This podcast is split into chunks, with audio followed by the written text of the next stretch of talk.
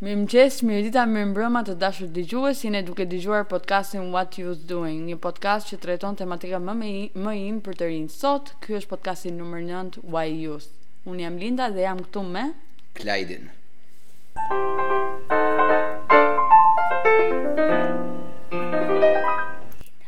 Atëherë mirë se erdhët dhe njëherë. Këtu jemi sot bashku me Lindën dhe me një prej kolegeve tona më të mira, që është Flutura. Apo për gjithë që s'e njihni Flutura Brakaj, apo jo? Flutura, si mund ta përshkruaj me me dy fjalë, është njeri shumë optimiste dhe shumë energjike. Nuk e di flutura nga vjen gjithë ajo, gjithë ajo energji që na përcjell edhe neve. Po ndoshta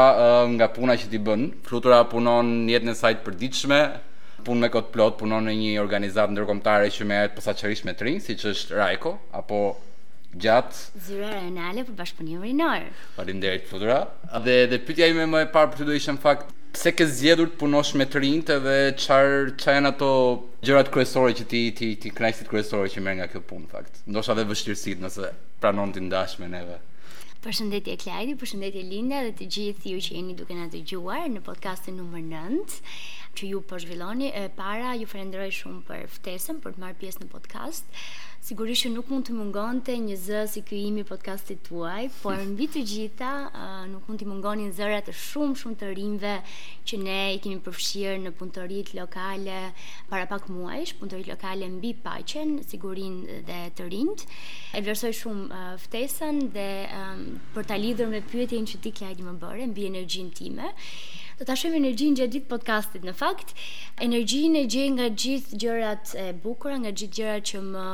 motivojnë edhe nga pasioni që kam për punuar me të rinjtë dhe sidomos me të rinjtë që mbase nuk kanë uh, shumë mundësi ose nuk janë përfshirë më herët dhe nuk janë angazhuar në shoqëri por jo vetëm që kështu të rinjtë që kanë këtë lloj mundësirash dhe u jepen iniciativa të tilla siç ishte edhe rasti i punëtorive lokale që ju implementuat më më japin energji për të bërë akoma më të gjëra të bukura jo vetëm për të rinjtë e Shqipërisë por prej vitesh tashmë që punoj në Rajko edhe për të rinjtë e rajonit të Ballkanit Perëndimor. Flutura kapi faktikisht një inter, një aspekt shumë interesant që unë dua të ndalem pak për faktin që foli për të folur për zërin e të rinjve, ndoshta podcasti prandaj është i rëndësishëm sepse Flutura do do i bëjë jehonë pikërisht atyre përvojave që ajo ka dëshmuar gjatë aktiviteteve të punëtorive lokale. Gjë e bukur që mua më pëlqen rreth këtyre aktiviteteve është që nuk janë formale. Është një hapësirë pak më personale ku të rinjtë përtej po themi kufizimeve që mund t'i japin ato formalitetet mund të flasin realisht për gjëra që që perceptojnë apo kanë dëshirë të flasin. Tematika e tyre ka qenë pikërisht paqja dhe unë tek ajo tek ai aspekt do do ndalem dhe pa ju futur muhabeteve të tjera do doja të kuptoja ngjyresat që kanë që ka paqja në qytetet që ti ke shkuar. Pra, përtej kufizim, përkufizimeve formale, si mendon ti se e perceptojnë të rinjtë, po themi nga Kamza apo nga Elbasani, paqen ndryshe nga ata që janë në Pukë? Mhm. Shumë faleminderit për pyetjen dhe sigurisht që um, duke pasur parasysh punëtoritë lokale që u zhvilluan në pesë qytete të ndryshme të Shqipërisë, një nga gjërat më surprizuese, um, po edhe më të veçanta është që të gjitha perceptimet mbi paqen dhe mbi çdo tematikë tjetër, qofshin këto edhe shqetësimet dhe fenomenet, ne nga të rinjtë kemi marrë uh, në forma nga më të ndryshmet dhe kanë qenë të gjitha shumë diverse. Paqja në vetvete ka shumë përkufizime, um, edhe në aspektin e studiuesve le të themi të paqes. Kuptimi i parë i paqes, ë uh, um, si dhe definicioni është sigurisht mungesa e luftës dhe një konflikti të vazhdueshëm le të themi ose aktual. Të rinjtë shqiptarë në fakt nuk e kanë parë uh, absolutisht në këtë formë, uh, pyetur në uh, gjitha metodat e edukimit jo formal që punëtoritë lokale kishin, të rinjtë shohin më tepër paqen në Shqipëri si të qenit të sigurt, të qenit mirë me veten e tyre Dhe mbi të gjitha shumë surprizuese ishte fakti që e lidhin me shëndetin mendor, me aspektet emocionale, spirituale të tyre dhe e lidhin gjithashtu edhe me harmoninë, me pjesën e demokracisë, me pjesën e mirëqenies, si edhe marrëdhënieve të ngushta, të mira, të rregullta që njerëzit, institucionet duhet të kenë me me njëra tjetrën. Në varësi të qytetit, ashtu siç ti e the, na ka bërë përshtypje që për shembull, në qytetin e Pukës, duke qenë se është një qytet verior, të gjithë mund të kenë perceptime të ndryshme, le të themi për fenomene që mund gjenden aty, por e vërteta është që të rinjtë atje për shembull ishin më të sigurt, e shihnin paqen në qytetin e tyre, në krahasim me um, qytete të vogla si për shembull Elbasani apo Korça që në perspektivën tonë të përditshme duken Korça sidomos shumë turistike, shumë e bukur për të vizituar, por në fakt fshihen dhe gjenden fenomene uh, dhe tema sociale nga më të vështirat që të rinjtë i trajtuan dhe i prekën. Ndaj, mësimi numër një është që edhe ne vetë sa i takon paqes dhe perceptimit të saj kemi paragjykime, kemi barriera të krijuara në mendjen tonë dhe më e veçanta është që kur ti i pyet të rinjtë do shohësh që në fakt ka komplet perceptime të tjera nga ato që mbase ne krijojmë si punonjës rinorë ose si organizata që punojnë dhe i qasen të rinjve. Pak për atë gjatë Gjatë fjalës më përpara preke pak um, projekti që UN Association uh, Albania apo UNA siç do i referohemi nga tani e tutje për t'i rënë shkurt meqë s'e kemi minutazh për podcastin. Projekti kishte pikërisht si qëllim që paqen ta shohë nga, nga një këndvështrim shumë, shumë më i gjerë, sa thjesht mungesa e luftës apo konfliktit të nxehtë, e, e armëve e tjerë e tjerë, por nga një perspektivë shumë, shumë më e gjerë që përfshin qoftë harmoninë me me me shumë dimensione të saj, qoftë fetare, ekonomike, politike etj etj, shëndetin mendor, bullizmin, martesat e hershme, dhunën në familje etj etj. Dhe siç e ti përmende shumë nga këto tema që dhe të rinjtë ishin pjesë në disa qytete fokusoheshin në disa prej këtyre temave, në disa të tjera, në disa të tjera. Ëm um, shumë prej këtyre përkufizimeve dhe temave janë akoma në një pjesë të shoqërisë shqiptare akoma tema tabu. Ëm uh, ndoshta këto punëtori gjëja më më interesante që krijuan një besoj unë një hapësirë të hapur e të sigurt diskutimi ku dhe këto tema diskutoheshin nga nga të rinjtë silleshin në vëmendje që për për për të gjithë, po dhe diskutoheshin dhe dhe, edhe më thellë. Ë, uh, kështu që pyetja ime për ty do ishte në fakt si nga perspektiva nga këto pesë qytete ku ne ishim dhe nga pesë punëtoritë rreth rreth 100 të rinj që ne prekëm fizikisht në në këto qytete. Ë, um, cilat ishin ato gjëra apo ato tema tabu apo ato ë uh, dinamika në këto qytete lokale që i pengojnë ata për t'i diskutuar këto tema publikisht dhe dhe jo në këto hapësirat tona dyditore ku ne shkonim, po dhe brenda familjes së tyre, brenda shkollës, komunitetit, lagjes edhe radiove lokale, podcasteve lokale aty ku ka apo televizioneve në në në komunitet. Kështu që nuk e di se cila ishte mhm. nga perspektiva jote këto gjëra që i pengesat, barrierat që ata hasnin. Sigurisht nga perspektiva ime, por dhe juaja sepse uh, Kemi qenë bashkë. Doja, po, po doja t'i falenderoja për uh, uh, mundësinë, për mbi të gjitha, për uh, qasjen që kishin ndaj të rinjve dhe për punën e përbashkët që ne uh, kemi bërë për të zhvilluar këtë punëtori.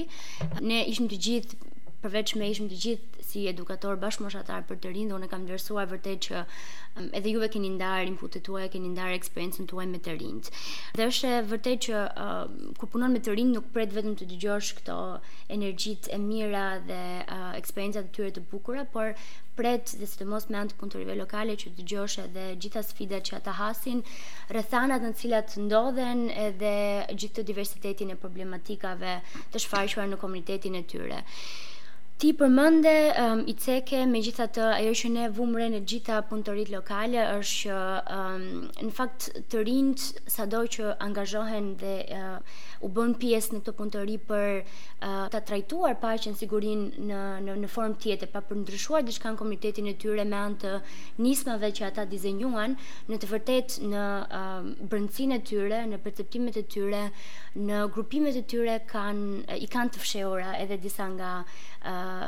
pra edhe vetë ata i kanë uh, disa nga fenomenet, le të themi ose uh, pjesët sociale që mbase e kanë të vështirë t'i ndryshojnë, le të themi. siç është pjesa e paragjykimeve,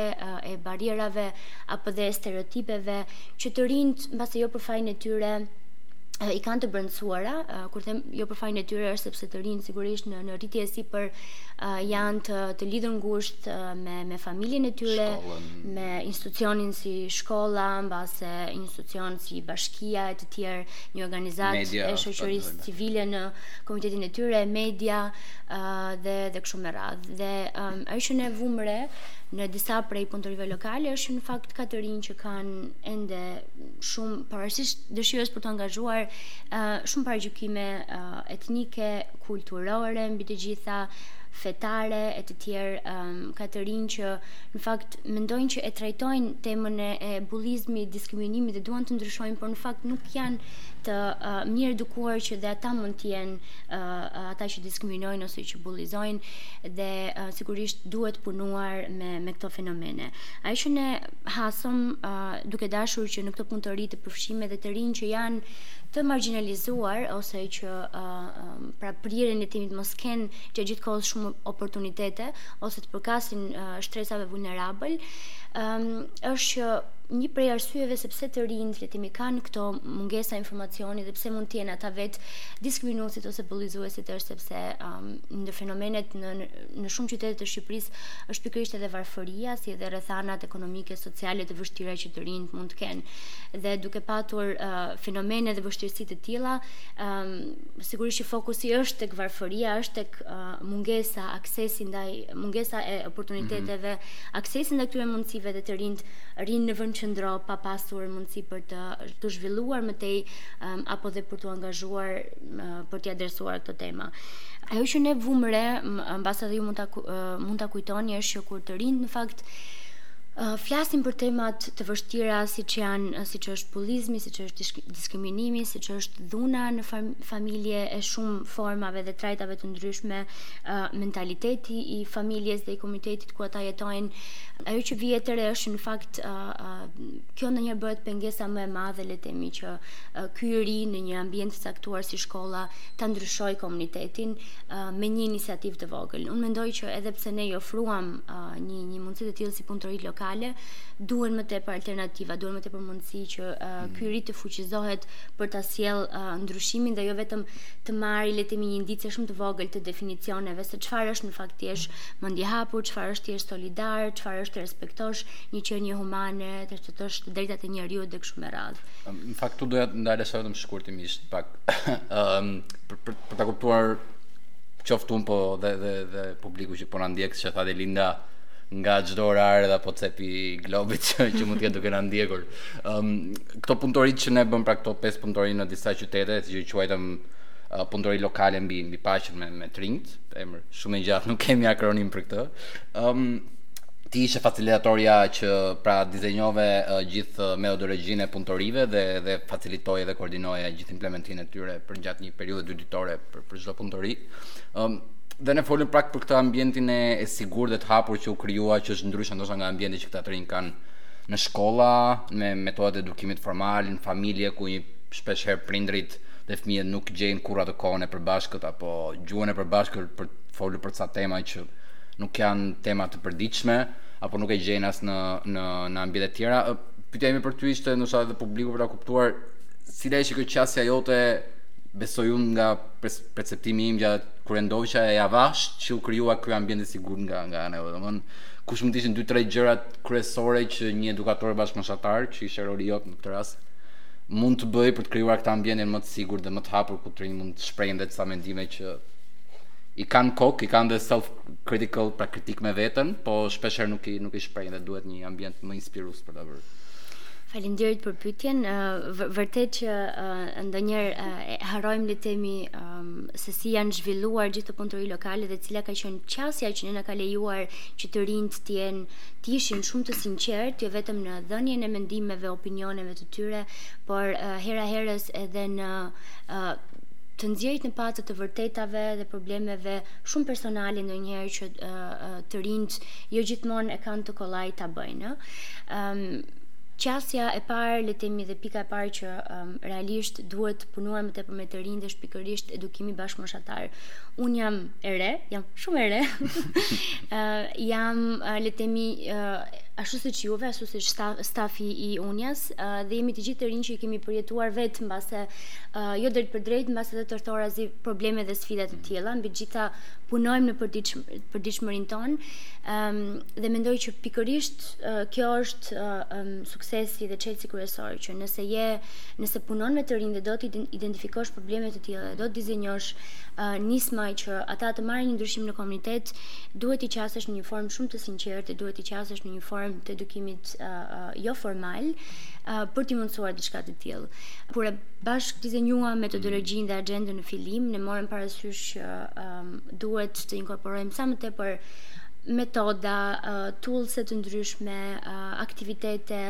um, le të themi që uh, t'i ofrojnë mundësinë të rinjve e para njëherë të ndihen rehat me ambientin ku janë, pra me njëri tjetrin, sepse ne vërtet kishim grupe uh, jashtëzakonisht shumë diverse në të gjitha punëtoritë lokale.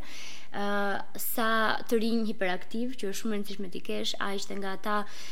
le të themi me mungesë mbase të theksuar për t'u përfshirë nga ata që kanë probleme emocionale, nga ata që nuk shprehen dot në grup, por um, unë mendoj që kishim dhe të rinj uh, që e shprehen dhe vetë që um, ishin dhe uh, të rinj le të themi që i kishin përjetuar vetë disa prej mm. fenomeneve ose jetonin në komunitete shumë të vështira, zona rurale ku këto problematika ishin shumë të dukshme. Dhe për të bërë uh, diçka të tillë, për uh, për t'i lejuar të rinjtë që të flasin, duhet pikërisht që uh, qasja e trajnerit, qasja e grupit, e organizatës që është duke marrë një iniciativë të tillë të jetë uh, sa më e hapur për t'i ofruar atyre siguri, për të ofruar mundësinë le të themi të um, të një dialogu që është i hapur, që um, kontrollohet le të themi mënyra se si të rinjtë uh, bisedojnë me njëri tjetrin, por sigurisht edhe duhet pasur parasysh edhe sensibiliteti i temave dhe mënyra se si po. neve i qasemi një momenti të tillë kur një i ri le të themi është bullizues ose kur një i ri është diskriminues apo kur një i ri është homofob, është shumë e natyrshme që një bisedë e tillë të lindi sepse jemi të rinj uh, që kemi këndvështrimet tona, perceptimet tona dhe botëkuptimet uh, në në përditshmërinë tonë dhe ndonjëherë kjo është më e bukura që uh, të tackle, të prekësh pikërisht ata të rinj që mbase e kanë pak më të vështirë le të themi që të jenë uh, mendje hapur. Pikërisht. Dhe, dhe aty aty matet në fakt suksesi vërtet i një një një metode të tillë dhe një pune të tillë, pra nëse arrin të tërheqësh edhe ndoshta jo të ndryshosh, po të bësh për të menduar ata të rinj që që mendojnë ndryshe nga ty apo ndajnë vlera ndoshta jo jo të njëjta apo të gjitha me ty. për mos të kundër la. Ëm Nëse mund të shtoj vetëm diçka po, po, po. të, të shkurtër sepse uh, unë nga tash e prapa praktikisht që momentin kur flitet për punëtoritë unë kam shumë dinamika në mendjen time ashtu siç juve që janë vërtet shumë të bukura dhe ia vlen që të ndahen edhe me gjithë. 10 ditë shpenzuara bashkë, që në 10 ditë ça s'ndodh. 10 ditë shumë të bukura, um, jo, m'u kujtua diçka që në fakt um, përpos temave të, mm. të vështira, sepse realisht kanë qenë punëtori shumë të bukura, kanë qenë shumë emocionuese dhe kanë qenë vërtet dinamike. Ë uh, më kujtohet edhe një aspekt sepse është e rëndësishme të uh, të punosh me të rinj dhe cilat të jenë metodologjitë, le të themi dhe qasjet. Ë uh, pavarësisht të gjithë diversitetit që të rinjtë uh, kishin në secilën punëtori, uh, ka qenë një një prej ushtrimeve, uh, një hap përpara, mm -hmm. që është uh, një ushtrim le të themi që përdoret nga uh, nga shumë të rinj bashkëmoshatarë dhe Uh, një metodë nga eksperienca ime. Po, ti duhet ta kesh, duhet ta kesh. Kam provuar nga të dyja anët. Kam provuar edhe edhe më herët. Um, qëllimi i uh, ushtrimit një hap përpara është në fakt t'i vendosë të rinjtë në shumë kapele dhe në shumë uh, dinamika të ndryshme, në shumë individualitete, le të themi apo situata që mbase ata nuk uh, nuk i kanë prekur hasur mm. përpara. Për shembull, njëri merr rolin e dikujt që është i varfër, dikujt që jeton në situatë rruge, dikujt dikush dikujt që mbase është një komuniteti të caktuar e kështu me radhë, ë dhe të tjerët nuk duhet ta dinë rolin që që një person ka. Um, dhe sigurisht në një moment të caktuar thuhen disa uh, pohime për të kuptuar në fakt se uh, cilat janë mundësitë që ne na jepen ose sa ecim përpara në shoqërinë tonë kur shohim që uh, pra kur i përkasim një uh, grupi të caktuar dhe për për mhm. t'i rënë shkurt thjesht dua të nxjerr në pah që në fund fare në, në të gjitha punëtoritë që ky ushtrim është implementuar, është vënë re gjithë solidariteti dhe gjithë empatia që në fakt të rinjtë kanë kur vihen në vështirësi të tilla. Dhe kjo më ka bërë të mendoj që vetëm vetëm kur i jep të rinjve mundësi të tilla, vetëm kur i tregon në forma të tilla, mbase që i vendos në në këpucët e dikujt tjetër ose në një situatë tjetër, ata e marrin vërtet mesazhin dhe mund të them që gjithë janë prekur, gjithë kanë qarë dhe gjithë dhe për gjithë ka qenë një mësim shumë i mirë kjo për të nxjerrë në pah edhe një herë se sa diversë jemi dhe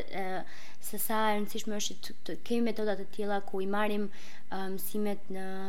në në formë të tillë, le të themi që mbase edhe na shkund pak. Është është është e vërtetë edhe në fakt ne do e prekim edhe në fund të podcastit, po ky është një nga ushtrimet që ne kemi bërë në çdo punëtori.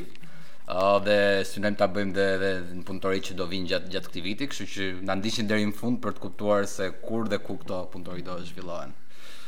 Ka diçka, Flutura më solli shumë gjëra në mendje, ndër to me varfërinë edhe nevojën që kam për t'u ushqyer tani, po gjëja më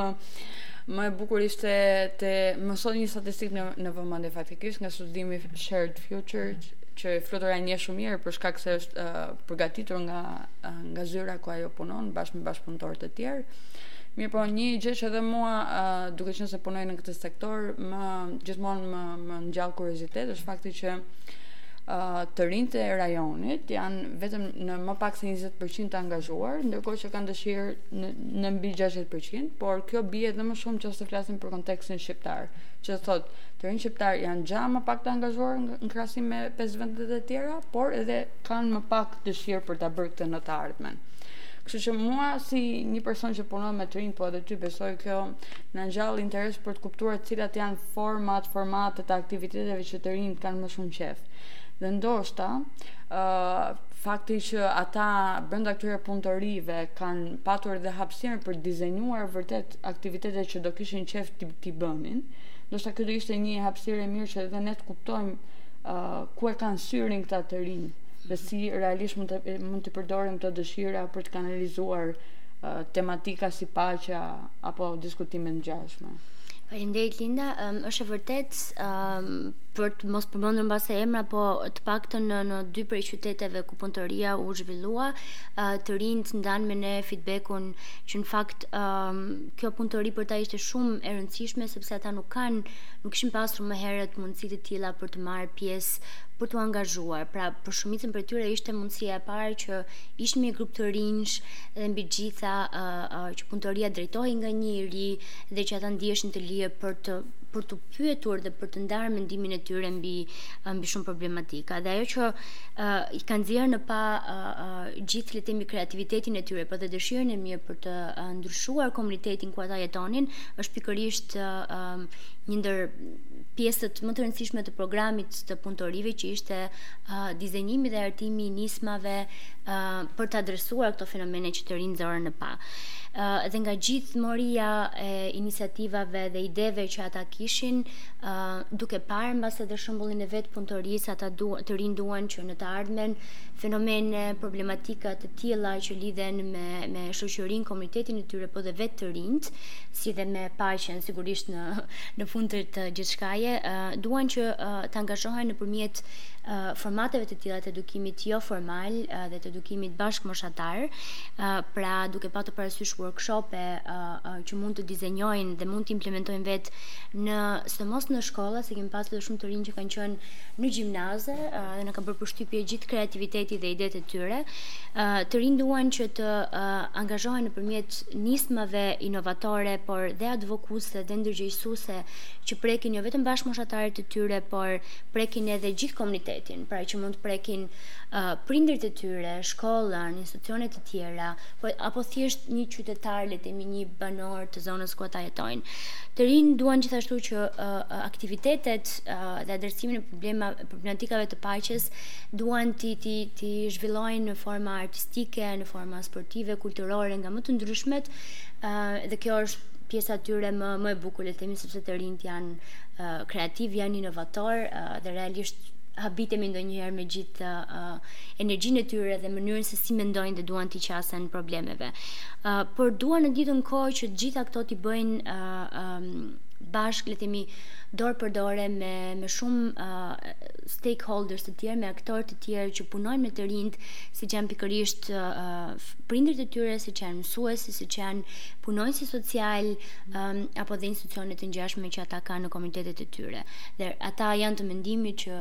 Asgjë le të themi nuk mund të arrihet pa pa pasur mbështetjen e gjithë këtyre aktorëve mhm. që që unë sapo përmenda. Në fakt është diçka që Flutura e ezauroi ishte mbështetja, kështu që unë nuk po ndalem aty, po kisha edhe një pyetje të fundit duke rikujtuar pak problematikat, sfidat e tjera e tjera që hasin këta të rinj, ndoshta është pak e vështirë që mos jesh apatik apo mos ndihesh i pafuqizuar, kështu që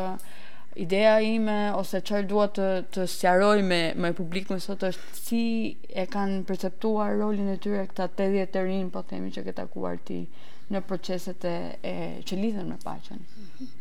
Atëherë sa i takon perceptimeve të të rinjve në të pesta punëtoritë lokale, duhet thënë që uh, të gjitha perceptimet e tyre lidhen shumë ngushtë me kontekstin ku ata jetojnë edhe me gjitha këto sfidat që ne i përmendëm pak pak më herët në pyetjet që ezauruam. Megjithatë, shumë prej perceptimeve janë edhe personale, individuale dhe shumë prej perceptimeve më ka bërë përshtypje ndryshuan le të themi sepse të rinjtë reflektuan gjatë gjatë punëtorive lokale. Edhe gjatë dizenjimit të nismave, mendoj që ishte një formë shumë e mirë e fuqizimit që ata ta shihnin veten edhe si aktorë kryesorë le të themi për uh, uh, pjesëmarrjen dhe angazhimin sa i takon proceseve të ndërtimit të paqes edhe pajtimit. Dhe duhet shtuar gjithashtu pra për ta për ta shpjeguar më më më ndryshe të rinjt pasi fuqizohen dhe pasi marrin informacionin janë të mendimit që në fakt të rinjt vet duhet të jenë pjesë e vendimmarrjes dhe pjesë e proceseve të vendimmarrjes që lidhen me paqen, pajtimin apo dhe temat e ngjashme, le të të zhvillimit të të rinjve, të sigurisë dhe mundësive që atyre u ofrohen. Kjo e bërë së bashku me, me, me shumë aktorë të tjerë që, që punojnë në tematikat e paqes dhe sigurisë dhe që marrin vendimet le të themi për, për ne, për të rinjt. Dhe gjithashtu, sa i takon një pike shumë të rëndësishme që është rezoluta 2250 që ne trajtuam me të rinjt dhe më saktë prezantuam me ta pasi shumica e tyre nuk kishin informacion të mëhershëm mbi rezolutën dhe rëndësinë që pesë shtyllat e rezolutës kanë për t'i theksuar edhe një herë të rinjve rolin që ata kanë në në paqe dhe në Jo, po sa për që dhe publiku të jetë të të të jetë më i njohur me këtë e ke fjalën për rezolutën 2250 të, të kombeve të bashkuara që fokusohet tek tek të rinjtë dhe, dhe angazhimi i tyre në institucionet, tryezat apo çdo proces i paqendërtimit dhe dhe i dhe i stabilizimit të të, të vendeve apo jo. Pikërisht që ka pesë shtylla kryesore që janë pjesëmarrja, parandalimi, mbrojtja, partneriteti si edhe riintegrimi. Dhe këtu doja të ndalesha që mhm. pasi i mësuan le të themi shtyllat kryesore dhe i brendësuan disi, të rinjt janë tashmë të mendimit që uh, ata vetë në fakt duhet të jenë aktorët kryesorë që marrin pjesë, pra që përfshihen te pjesëmarrja, ëm ehm, um, dhe që ëm ehm, um, uh, japin kontributin e tyre për parandalimin e shumë sfidave, çështjeve që lidhen me konfliktet si dhe me ndërtimin e paqes. Gjithashtu, ata i dhanë një rëndësi dhe një theks të veçantë edhe parandalimit, pra parandalimit dhe partneritetit, pra bashkëpunimit me shumë aktorë të tjerë, po dhe me të rinj të tjerë mm. bashkëmoshatar, për të trajtuar le të themi gjitha temat që lidhen me ndërtimin e paqes, por edhe me kur themi ndërtimin e paqes, mbase është shumë e vështirë për të kuptuar, po pikërisht me sfidat që ata has pra me mm. bullizmin, me format e dhunës, me ë uh... ndoshta këtu mund të diçka që më ka mbetur në mendje në fakt nga një nga mhm. prej punëtorive për në fakt jo për të mos përmendur qytetet po dhe nuk po nuk po për të mos gabuar cili qytet ka qenë ë uh, një një nga idetë që një nga grupet e këtyre të rinjve prodhoi pra një ide për të avancuar më tepër paqen dhe dhe dialogun në komunitetin e tyre ishte edhe um, një një aktivitet ku të bëheshin bashkë të rinjtë vetë dhe prindërit e tyre apo breza të ndryshëm të të njerëzve që jetojnë në atë komunitet për të diskutuar mbi tema të caktuara që thash më sipër cilësohen si tabu ose tema të vështira ose tema që ndoshta nuk i interesojnë prindërve, po brezit uh, moshatarëve tonë apo dhe më dhe më të vëllë të rinjtë se ne janë tema goxha jetike apo thelbësore në në atë idealizmin tonë. Uh, dhe ky aktivitet në fakt u ne um, pas ato që u munduam, uh, u përpoqëm dhe reflektuam Si mund të zhvillohet, a mund të zhvillohet? Në fund fare nuk u arrit të të të, të zhvillohet, një nga si si follow up pra i punëtorive. Ëm um, për arsye që ndoshta janë të kuptueshme dhe të pritshme, për shkak se të bësh bashkë të rinjtë dhe prindërit për tema të tilla është është sfidë, sfidë e madhe dhe sfidë e vërtetë. Kështu që ndoshta kjo është, në fakt është thelbi i partneritetit, është pikërisht nëse nuk arrijmë dot të bëjmë partner dy breza mm. që jetojnë në të njëjtën shtëpi, ë uh, sa vërtet mund t'ia dalim që të bëjmë partner më pas të rinjtë dhe institucionet e tjera që përveç shumë kompetencave të tjera kanë dhe kompetenca që që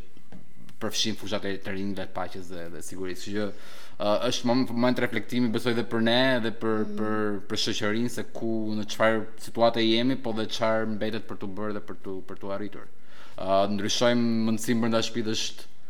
ndoshta më e thjeshtë se jemi shumë kohë, po ndoshta është dhe niveli më i lartë i vështirësisë për të për të bërë dhe Uh, gjë që do marrë ndoshta më shumë më shumë kohë. Ëh, mm -hmm. uh, po nuk e di kjo është ajo një nga gjërat që më në fakt ka ngelur në në mendje dhe nga ato jo pengjet, por nga ato rezultate që s'arritëm dot ta ta ta bënim realitet në në fund të nismës. Po pavarësisht kësaj, uh, këtë vit do vijojmë me siç e thash me punëtoritë e tjera, Uh, që Kjo ishte energjia e kishte ruajtur për në fund uh, Në fakt do vazhdojmë me, me implementimin e disa punëtorive të tjera Tani më në qytete, por dhe zona periferike apo rurale, suburbane uh, Të ndryshme nga ato që kemi prekur gja uh, Në një bashkëpunim me Kongresin Rinor Kombëtar Në kuadër të, të titullit Tirana si kryeqytet Europian i rinisë Ne po mundohemi ta uh, pra t'i, t'i shkallëzojmë, t'i, t'i zgjerojmë këto këto këto punëtori. Ëm um, akoma nuk mund të përmendim emrat e qyteteve, por patjetër që Linda ti mund të ma konfirmosh si një eksperte e komunikimit të organizatës. Uh, besoj nga mesi i muajit gusht, uh, java 3 e 4 do kemi thirrje të hapura për punëtorinë e radhës. Patjetër dhe me emrin e fluturës. Patjetër.